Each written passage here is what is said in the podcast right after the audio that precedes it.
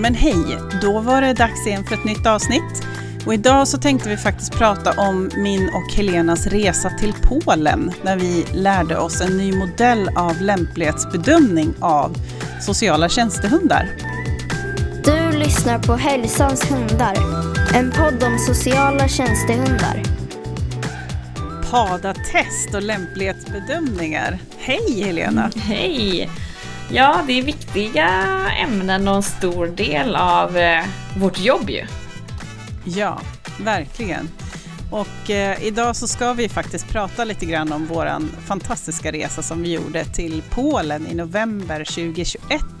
Yes. Mitt i brinnande pandemi. Ja.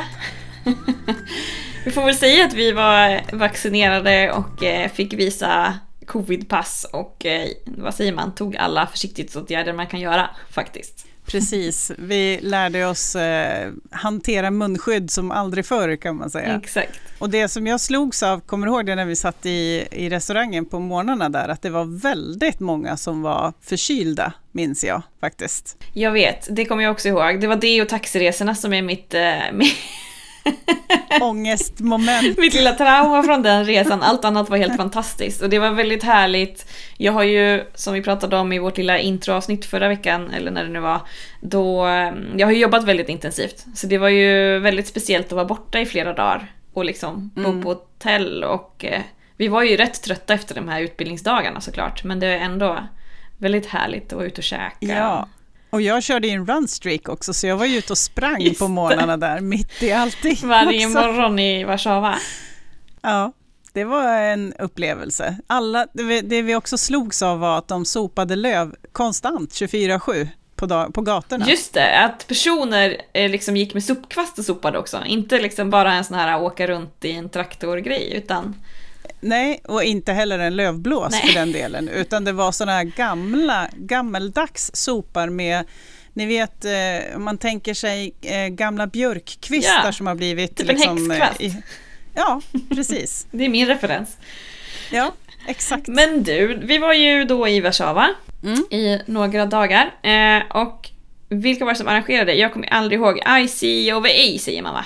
Precis. Eh, International Center of Anthrozoology, det är ju våra norska kollegor tillsammans med en polsk kollega som har eh, eh, bildat det bolaget kan man väl säga, eller den organisationen. Yeah. och sen så har de då tillsammans i ett Erasmus-projekt tillsammans med också, jag tror att det är universitetet i Budapest och sen så tror jag ju, för där är Adam Miklosi inkopplad och sen så har ju även Daniel Mills och han sitter väl på Lincoln University tror jag i England. Så att det, det är ett gäng olika universitet kopplade till det här Erasmus-projektet också för att då utveckla en sån här lämplighetsbedömningsmodell eh, Ja. Med koppling till forskning. Ja men precis. Och det här PADA-testet då som det kallas. PADA står för Personality Assessment for Dogs in AAI. Alltså Animal Assisted Interventions.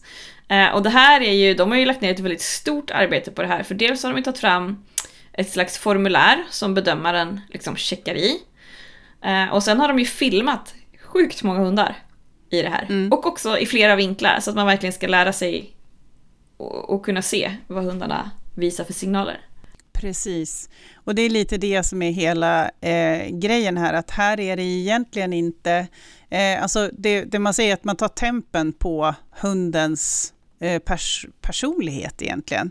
Ja. Det är inte egentligen ett, en lämplighetsbedömning i den bemärkelsen, utan det är ju egentligen en beskrivning av hundens beteenden. Ja, och det är som ett anpassat BPH nästan, fast liksom lite inriktat på att det vi tittar efter är att vi vill hitta hundar som kan tänkas trivas och liksom vara stabila eh, att jobba eh, inom det här då, ja, men som sociala tjänstehundar. För jag tyckte också det att det är väldigt likt ett beteendetest och det är väl det som var, de berättade ju också om att till exempel i Polen så har de ju inte som vi har BPH och MH och sådär. Så där var det ju vissa som anmälde sig eh, för att bara liksom få en beteendebeskrivning. Precis, och det var ju lite hela grejen eh, upplever jag här också att Eh, och det var väl också kanske det som var egentligen det som sköt lite snett över mål med vissa av bedömningarna eller beskrivningarna här, för att eh, vi hade ju bara egentligen var det fyra av 17 hundar som, som tog sig igenom hela testet. Eh, Ja, men men, det beror ju också på att det var mer en sån utlysning för personlighetsbeskrivning, inte egentligen kanske så otroligt mycket riktat mot de hundar som var intresserade av att utbildas eh, i förlängningen. Liksom. Nej men precis, för vi var ju där ett gäng. Det var ju eh, du och jag och sen var det ju lite diverse, gud vad var folk ifrån? Det var någon från Rumänien mm, och ifrån Polen. och Tyskland. Och ifrån, ja precis, och Slovakien och eh, vad hade vi mer? Ja men Norge var det ju också ett stort gäng ja. Personer Ja, det var lite olika länder helt enkelt. Och vi var där för att helt enkelt få lära oss om det här testet och också själva vara de här olika figuranterna, eller vad man ska säga, och bedömarna och sådär. Så de här hundarna som kom, som du sa, det var ju många hundar som antagligen kom för att ställa upp Mm. eh, på att vi behövde få träna. Eh, Mm. Så det var ju många tester som avbröts, får man ändå säga. Ja, och där kan man ju också till det eh, addera att eh, framförallt i Polen så finns det ju en enorm historia kring just shelter dogs. Ja. Så det var ju, majoriteten av de som kom var ju omplacerade gatuhundar kan man säga. Ja. Eh, som hade inte alltid kanske en, en jättepositiv känsla för främmande människor. Nej men precis. Nej, och det var ju någon liten terrier också, var en brasiliansk terrier eller någonting, supervacker, men som var väldigt mycket terrier.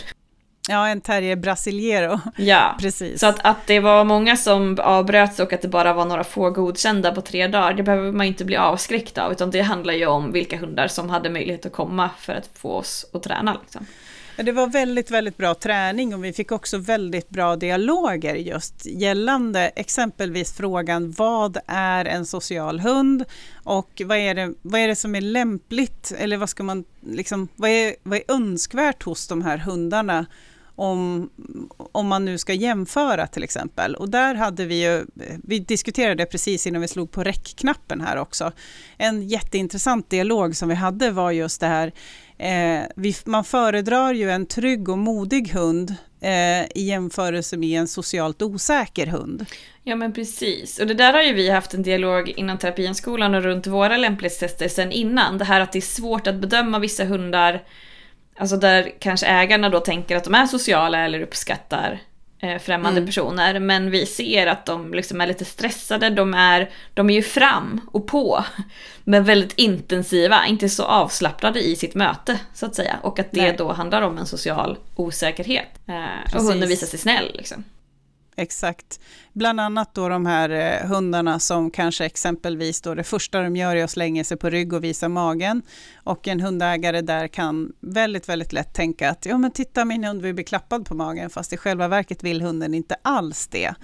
Eh, eller de här hundarna som slickar jättefrenetiskt. Det står ju för någonting. Ja. Eh, och att det då kan finnas osäkerhet med i det. Ja, och kombinerat då med alla de här momenten så kommer det här fram ganska tydligt. Ja. Eh, det är det som är liksom egentligen poängen med hela det här eh, testet. Ja. Och någonting som kan vara viktigt att tänka på också är ju det här, varför gör man de här testerna då? Ja men precis, och att det handlar jättemycket om välfärd för hundarna. Och att hundarna inte ska hamna i en yrkesroll där de faktiskt inte trivs eller där de kanske är, men ägarna har tolkat dem, eller för all del testaren har tolkat dem som sociala, men att de egentligen jobbar stenhårt med att dämpa och visa att jag är snäll, jag är snäll, var inte elak, jag är snäll, jag är snäll. Så. Och det är en helt annan attityd. Sen kan det ju vara någon annan hund som kanske har eh, levt tre år och inte liksom vet om att den får gå och hälsa, men som är ganska chill och ja, men, laid Mm. back. Eh, och som vid första anblick då kanske verkar osocial, fast den är jättetrygg och, och så här. När den uppfattar Precis. att ja, men man kan få kli här och man kan få en karamell där och sådär så Mm. inser den tjusningen med det hela.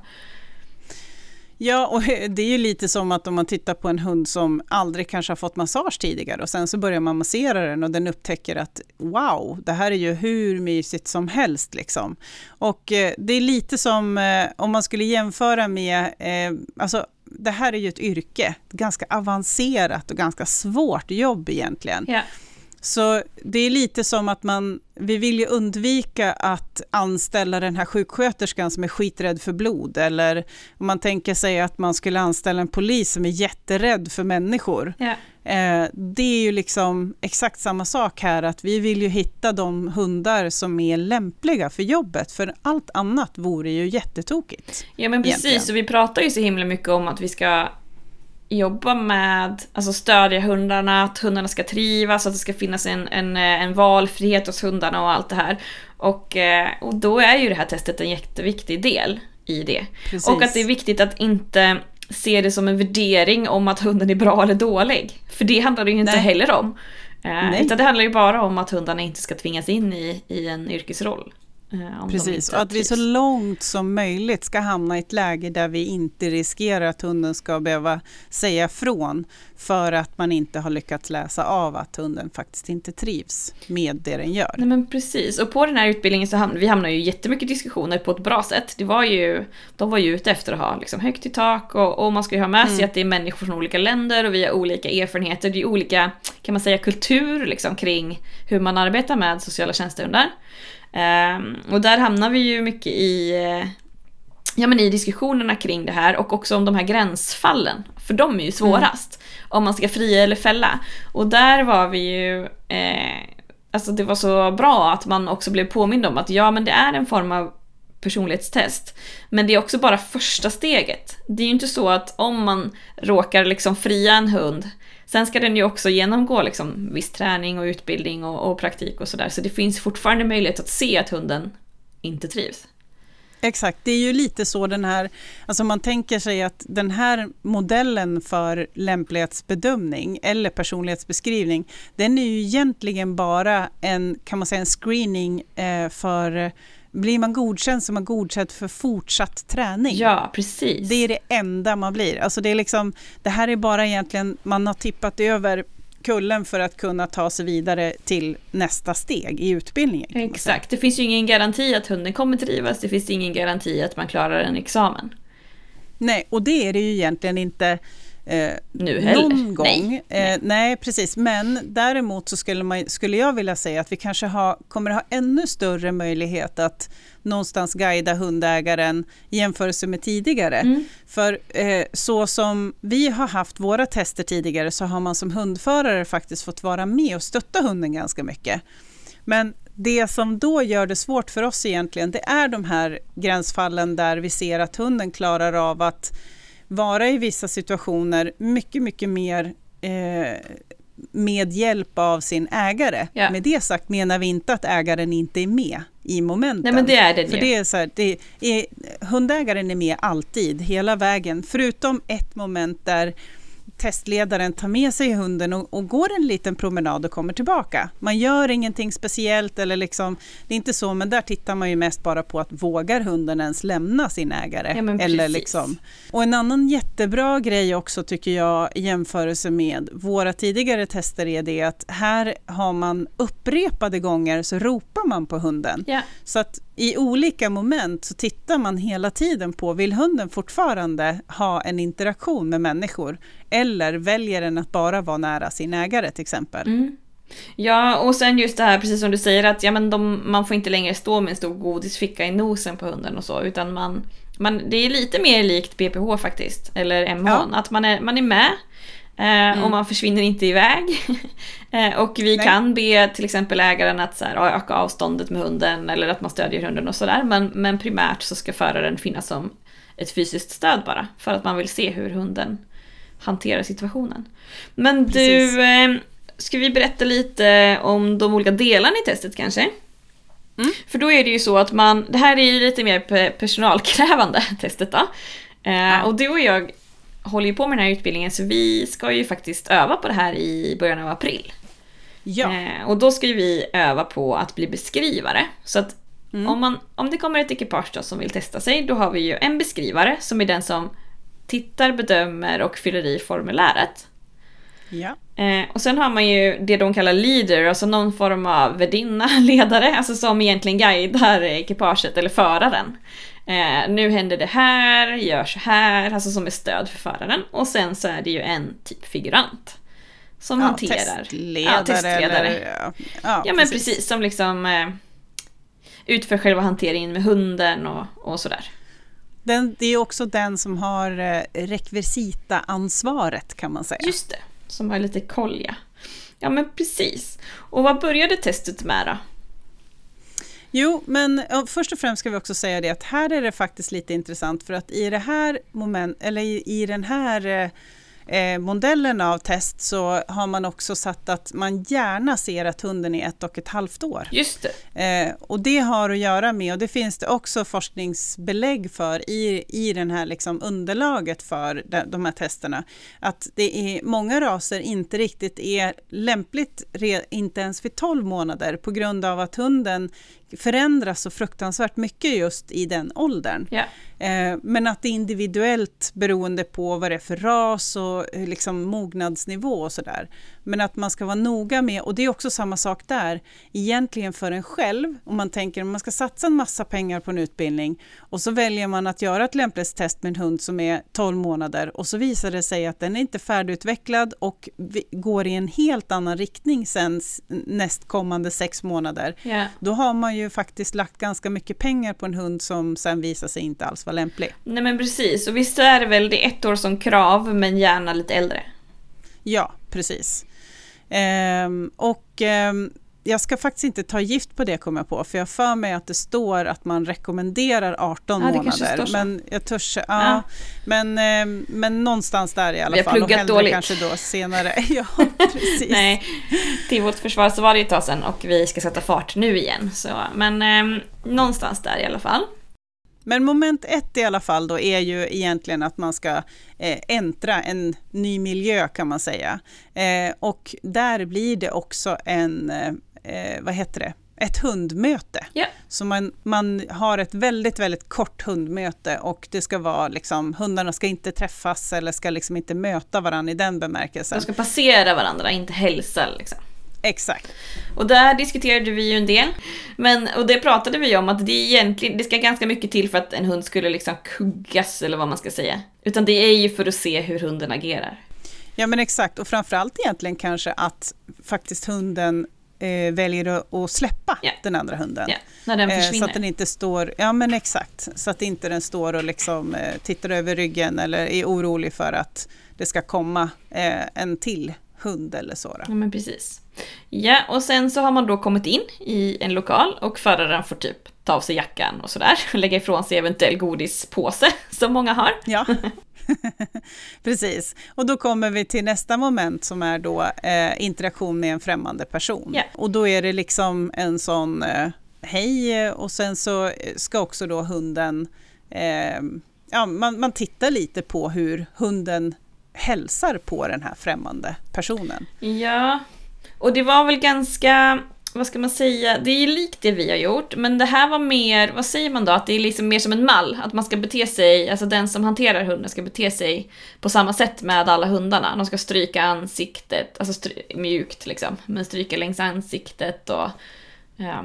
Ja, precis, det är ju nästa moment. ja, det är nästa del, ja just det. Precis. Det heter liksom rough handling, men det skulle jag inte egentligen påstå att det är Nej. faktiskt. Utan det är eh, egentligen som på BPH också. Ja. Att skillnaden också som vi har haft är ju det att här får hunden röra sig ganska fritt medan i det här testet, padatestet då, så ska man hålla i halsbandet. Ja. Och det har egentligen också en poäng med det. Och det är det att man också tittar lite på hur hunden reagerar kring det. Skulle den inte vilja att man håller i halsbandet, då gör man inte det här momentet. Nej, jag skulle precis tillägga det, för det, eh, vi fick ju träna på alla de här rollerna. Och när jag var den eh, som skulle hantera hunden, då var det, undrar om det Mm. var den här brasilianska terriern, men jag fick ju aldrig Mm. ens röra vid den. Alltså, det vill säga att det finns en, en tanke och det finns en mall, men man hanterar ju hela tiden hundindividen. Så man tvingar sig ju inte heller på hunden och ska Nej. prompt hålla fast den eller genomföra de här grejerna. Och det är väl viktigt att lyfta här så att inte någon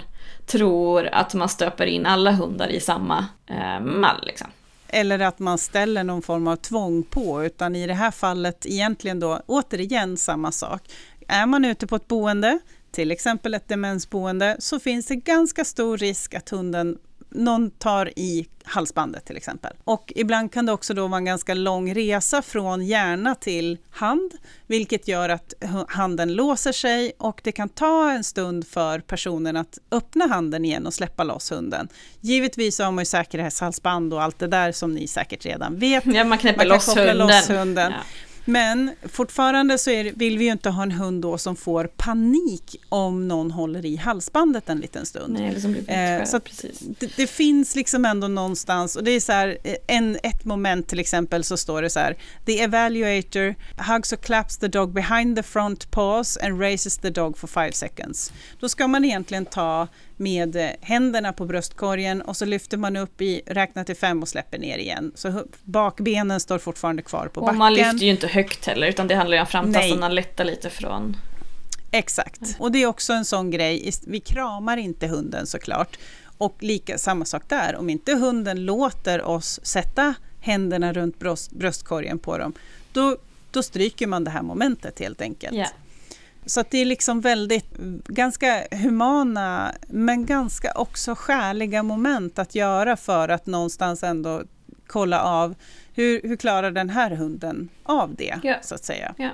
Eh, och det är ju också egentligen ett moment som man faktiskt kan träna hunden i innan om man vill. Alltså att man kan faktiskt lära hunden att det här är helt okej, okay, det är inga problem så länge man gör det med positiv förstärkning och så vidare. Ja men precis, och att man inte har en hund som får panik från början för då kanske den faktiskt ska slippa det. Utan just det här bara att ja. ja men den är helt okej okay, men vi kan visa på att ja, men det är ännu mer än okej. Okay, liksom.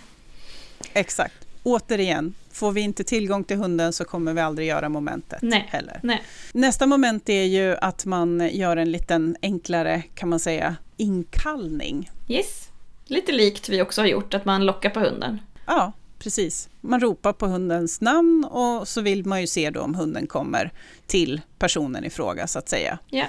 Och Nästa moment då är att man eh, går in i ett rum där det då ska finnas tre, eh, tre till sex personer. Yes. Troligtvis kommer det inte vara mer än tre kanske eftersom det är personalkrävande hela Som momentet eller hela testet. Liksom. Och ofta här så är, är ju hunden och föraren och en person kvar. Utanför så byter resten av personerna rum och liksom är i förväg in i det rummet så att säga. Ja, ja. precis.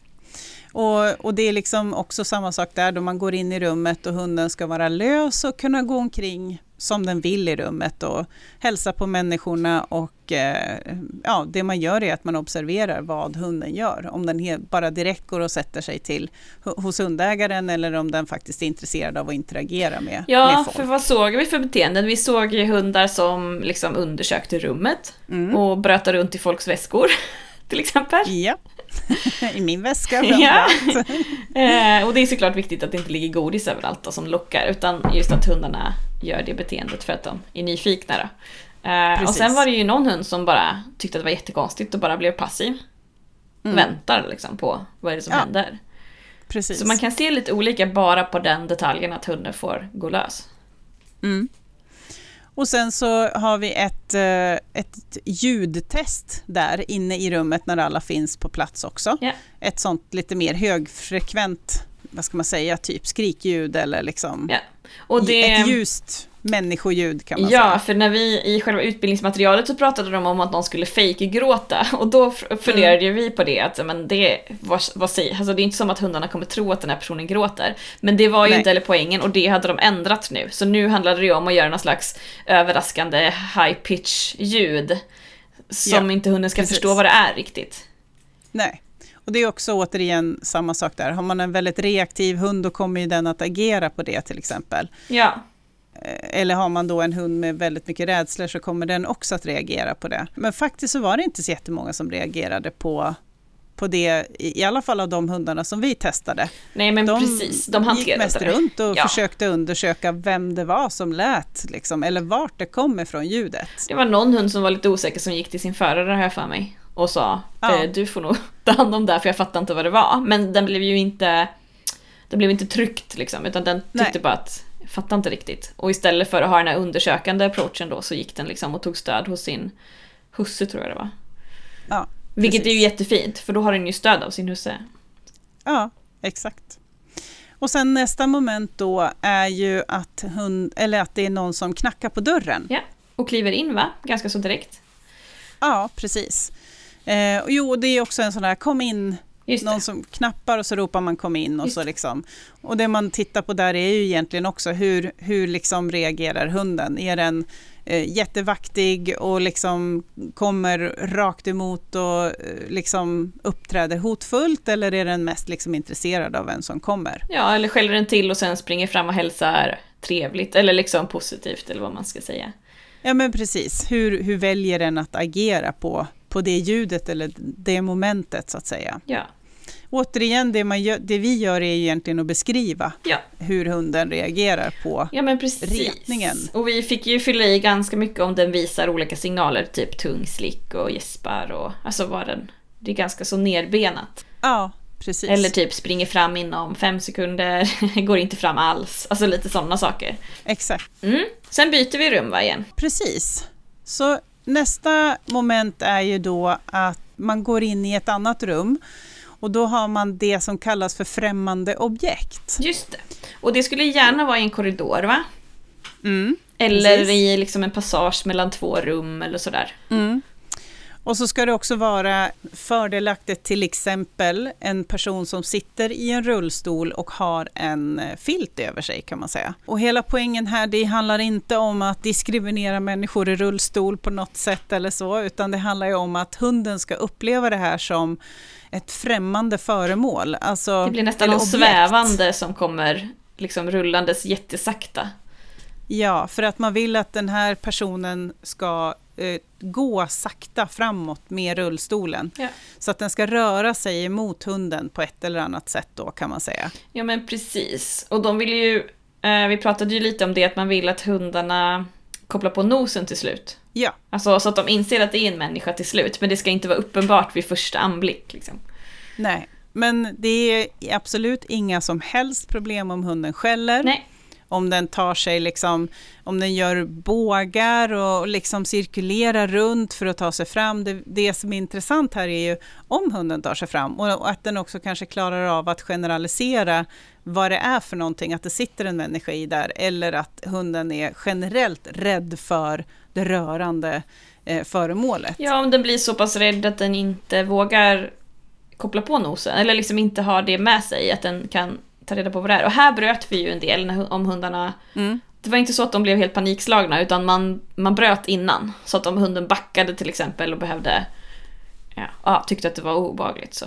Ja, precis. Om hunden tog ett väldigt stort utrymme bakåt till exempel, då valde vi att bryta. Men sen de hundar som till exempel tog sig fram och började lukta, då tar man ju bort filten och så börjar man ju prata med hunden och sådär. Så att det är liksom, eh, och det gjorde vi såklart också om hunden blev rädd eller liksom reagerade liksom och ville inte ta sig fram så tog vi ju väldigt snabbt av oss filten och försökte liksom prata, om, eh, prata med hunden och få den att avreagera. Så vi la också ganska lång tid på att passera och liksom se till att hunden kunde släppa det där också innan. Ja, för det säga. ingick ju också och det är ju väldigt likt moment i BPH. Det här att, man, att hundarna också kan passera och att man ser att inte hunden kastar sig ut i sidled Nej, eller blir rädd om personen, ja, du vet, andas eller råkar röra sig eller Mm. sådär. Utan man vill se att hunden verkligen släpper det och vågar gå fram och tillbaka.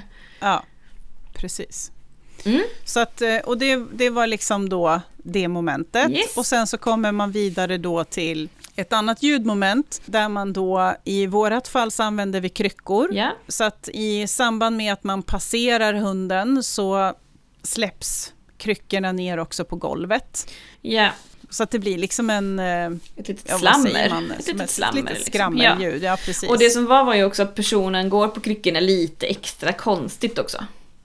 Så personen som hoppar men fram på inte överdrivet Nej, eller liksom precis. inte, inte liksom jätteläskigt. Nej. Men däremot att man liksom kanske går lite ryckigt eller liksom sådär Ja men precis. instabilt. Och så släpper man eh, kryckorna eh, för att se ljud, alltså reaktionen på att det ramlar någonting. Ja, exakt. Lite likt skramlet i BPH. Ja, det skulle jag säga. Och samma sak där så ska man passera några gånger också fram och tillbaka för att hunden ska liksom klara av att eh, förstå eh, ja, vad det är som har hänt. Att man gärna får låta hunden få komma fram och, och eh, nosa på kryckorna och sådär. Och det ser jag fram emot att få göra på svenska, för vi hade ju lite språkproblematik där, eh, för många från eh, som var från Polen, de förstod ju inte riktigt engelska. Nej. Eh, Så att vi hade ju lite fördröjning när det skulle översättas, för det är ju lite det här i de här testerna, att man inte vill spä på hundens osäkerhet eller så genom att liksom dra i hunden eller rycka i kopplet och man vill inte heller tvinga hunden framåt. Eh, utan det är ju en sån balansgång hela tiden, så här hade vi lite så här: stopp, stanna, nej, okej nu har de redan gått, ja men gå! Eh, Ja. Så det är ju skönt att få göra på sitt eget språk. Ja, för det var liksom alla, alla som var med på det här testet eller den här utbildningen, de var ju väldigt, väldigt måna om att hundarna inte skulle bli rädda eller så.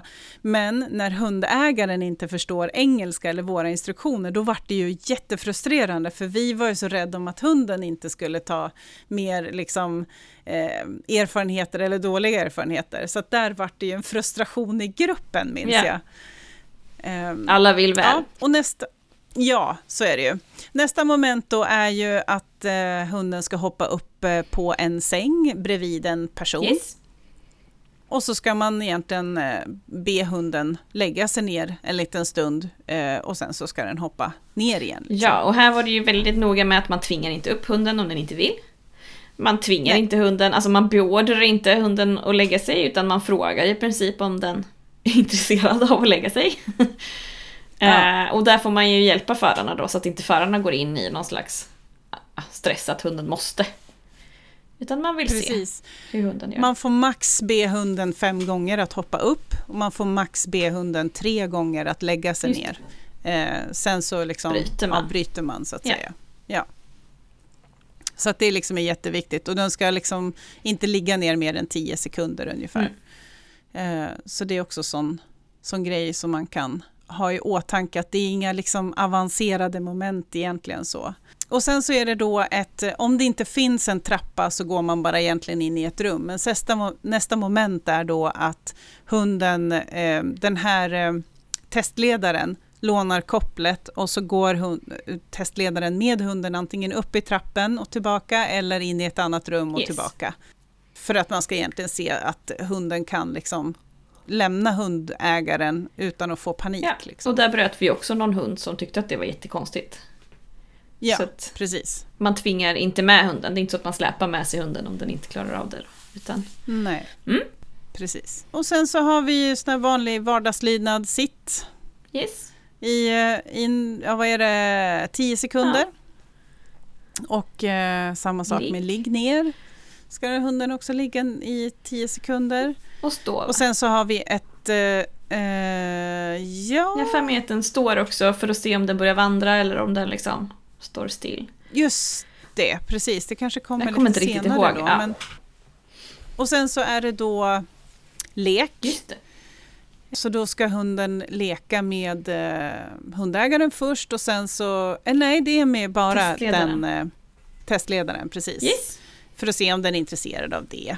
Eh, och sen så kommer man vidare till ett matmoment. Just det. Och där var det viktigt att man, eh, vi, ja, dels så var det viktigt såklart att man stämmer av att hunden inte är allergisk eller så, men så ställer man ner lite godisbitar i en skål och där att man släpper taget och sen tar man skålen igen. Och Precis. det handlar ju såklart om att se lite resursförsvar då. och tanken är ju inte att man ska göra det här om och om och om igen utan bara att se vad som finns i hunden. Och vi hade ju några hundar där vi valde att inte göra det på det sättet just för att man misstänkte att det fanns en liten skärpa eller ett resursförsvar. Så det handlar ju än en gång hela tiden om att läsa av hunden hela processen fram till dess för att se om man ska göra det eller inte. Precis. Och sen så är det ett litet eh, avslutande moment med, eh, som heter folksamling typ. Ja. Och det är också då, det är ju testledaren och beskrivaren och värdinnan och sen är det väl då troligtvis en figurant till kanske. Som då, eh, hunden och hundägaren står i mitten och sen så går man tillsammans emot eh, I en cirkel. hundteamet. Liksom. Som i en liten Ja, cirkel precis. runt. Och så sen så lite som eh, den här, eh, det finns någon barnlek när man håller varandra i händerna och så går man tillsammans mot mitten och sen så går man ut igen och så går man in mot mitten Och och, så ut ut igen. igen. Ja. Och samma Precis. sak där, att ja, men, eh, det pratade vi lite om där, att hunden ska ha möjlighet att faktiskt kliva bak ett steg. Eh, Alltså man blockar inte, man tränger inte in hunden rent fysiskt, utan man ser reaktionerna och man avbryter om det om den visar obehag. Exakt. Ja men precis. Eh, så det var väl liksom Det var de det. sista momenten. Ja, och grejen är att exakt. lite av det här, eller ganska många av delarna har ju vi redan fast i andra, lite andra tappningar, lite andra varianter. Ja. Eh, lite att man har fått belöna mellan momenten. Eh, och lite Mm. sådär. Eh, så det ska bli spännande att träna mer på det här. Ja, precis. Och vi kommer ju att utveckla vår förberedande utbildning också såklart, så att vi kan liksom guida folk i, i de här momenten och man, man ska kunna förbereda sin hund. Eh, och jag tror också att många av de här momenten, om en hund har en genuin rädslehistorik från valpstadiet, då tror jag att det kan bli svårt från start, liksom i förlängningen i alla fall. Vissa grejer går att, stä, eh, att träna med, vissa grejer går verkligen inte att göra det och då ska man verkligen inte heller låta hunden jobba med det här jobbet. Nej, och sen är det ju tänkt att vara en slags personlighetstest och då är det ju viktigt också att inte börja träna på att tappa kryckor för då är det risk att man skrämmer hunden istället och inte börja träna på Ja. att tränga in hunden i den här lilla folksamlingen som vi försökte beskriva. Eh, utan att man kanske tränar på miljöträning, trä, alltså hälsa på människor och den biten. Eh, så att man inte Goda Ja, erfarenheter goda tidigt erfarenheter. i Precis, livet. bygga upp hunden, stärka hunden. Ehm, Ja. Så att man inte riskerar att istället skrämma hunden i till exempel i ett valpstadie där som den kanske är känslig eller vad det kan vara. Exakt, precis. Så det är lite, lite att tänka på kan man säga.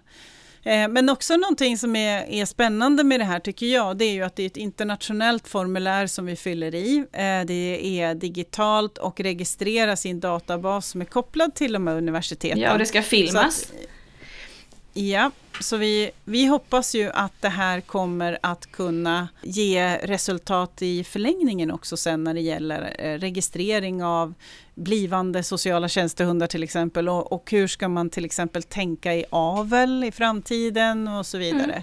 Eh, så vi hoppas kunna bidra till det här helt ja, men enkelt. precis. Ja, och det var ett härligt gäng vi träffade. Alla var superpeppade, Mm. alla var supermån om hundar. Eh, Ja. Och eh, väldigt intresserade av eh, ja, men hur vi tänker och sådär. Så att, ja nej men det är jätte, jag tycker att det ska bli jättespännande faktiskt. Att jobba vidare med det här. Ja, jag håller med. Och faktiskt också så har ju jag blivit tillfrågad att sitta med i en referensgrupp för ett forskningsprojekt som ska köras igång nu här i, på SLU. Eh, som ska handla om just lämplighetsbedömningar av tjänstehundar. Och då är det inte bara sociala utan det är andra också. Men, men förhoppningsvis då så får, kan väl jag då bidra med någon form av kunskap när det gäller eh, just lämplighetsbedömningar av den här grenen. Så jag hoppas att det ska bli, eh, eller att det blir eh, berikande på, på ett eller annat Mm. sätt. Samma sak har vi också haft en liten uppvaktning från Brukshundsklubben till exempel som också är intresserad av att veta mer om hur vi ska kvalitetssäkra lämplighetsbedömningar och examensprover för sociala tjänstehundar. Så det känns som att det, Åh, det är sånt vi har pratat om i tio år. I alla fall. Ja, verkligen. Och ja, det känns verkligen som att det är det är otroligt smickrande att bli tillfrågad i så många olika projekt. Så nu behöver jag ju liksom någonstans också bara se till att jag klarar av att både leverera till de som jag har sagt ja Ja. till och eh, försöka liksom eh, hinna med allt annat jag ska hinna med också. Men det är jättekul och jättespännande i alla Men fall. du är där du ska vara. Ja, det är jag och du med också skulle Ja. jag säga. Och roligt har vi. Ja men vad kul. Ja. Ehm, vi, jag tänker att vi ska ju ha lite träna på den här typen av tester i början av april och sen tänker jag att vi kanske följer upp med lite reflektioner och lite sånt längre fram i podden. Mm.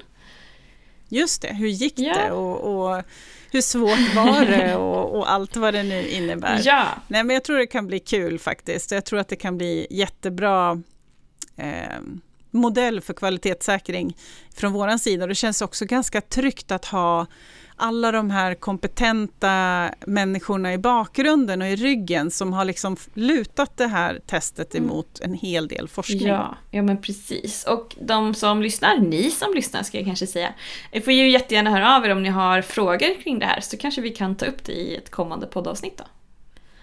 Absolut, Bra. det tycker jag. Då så! Precis.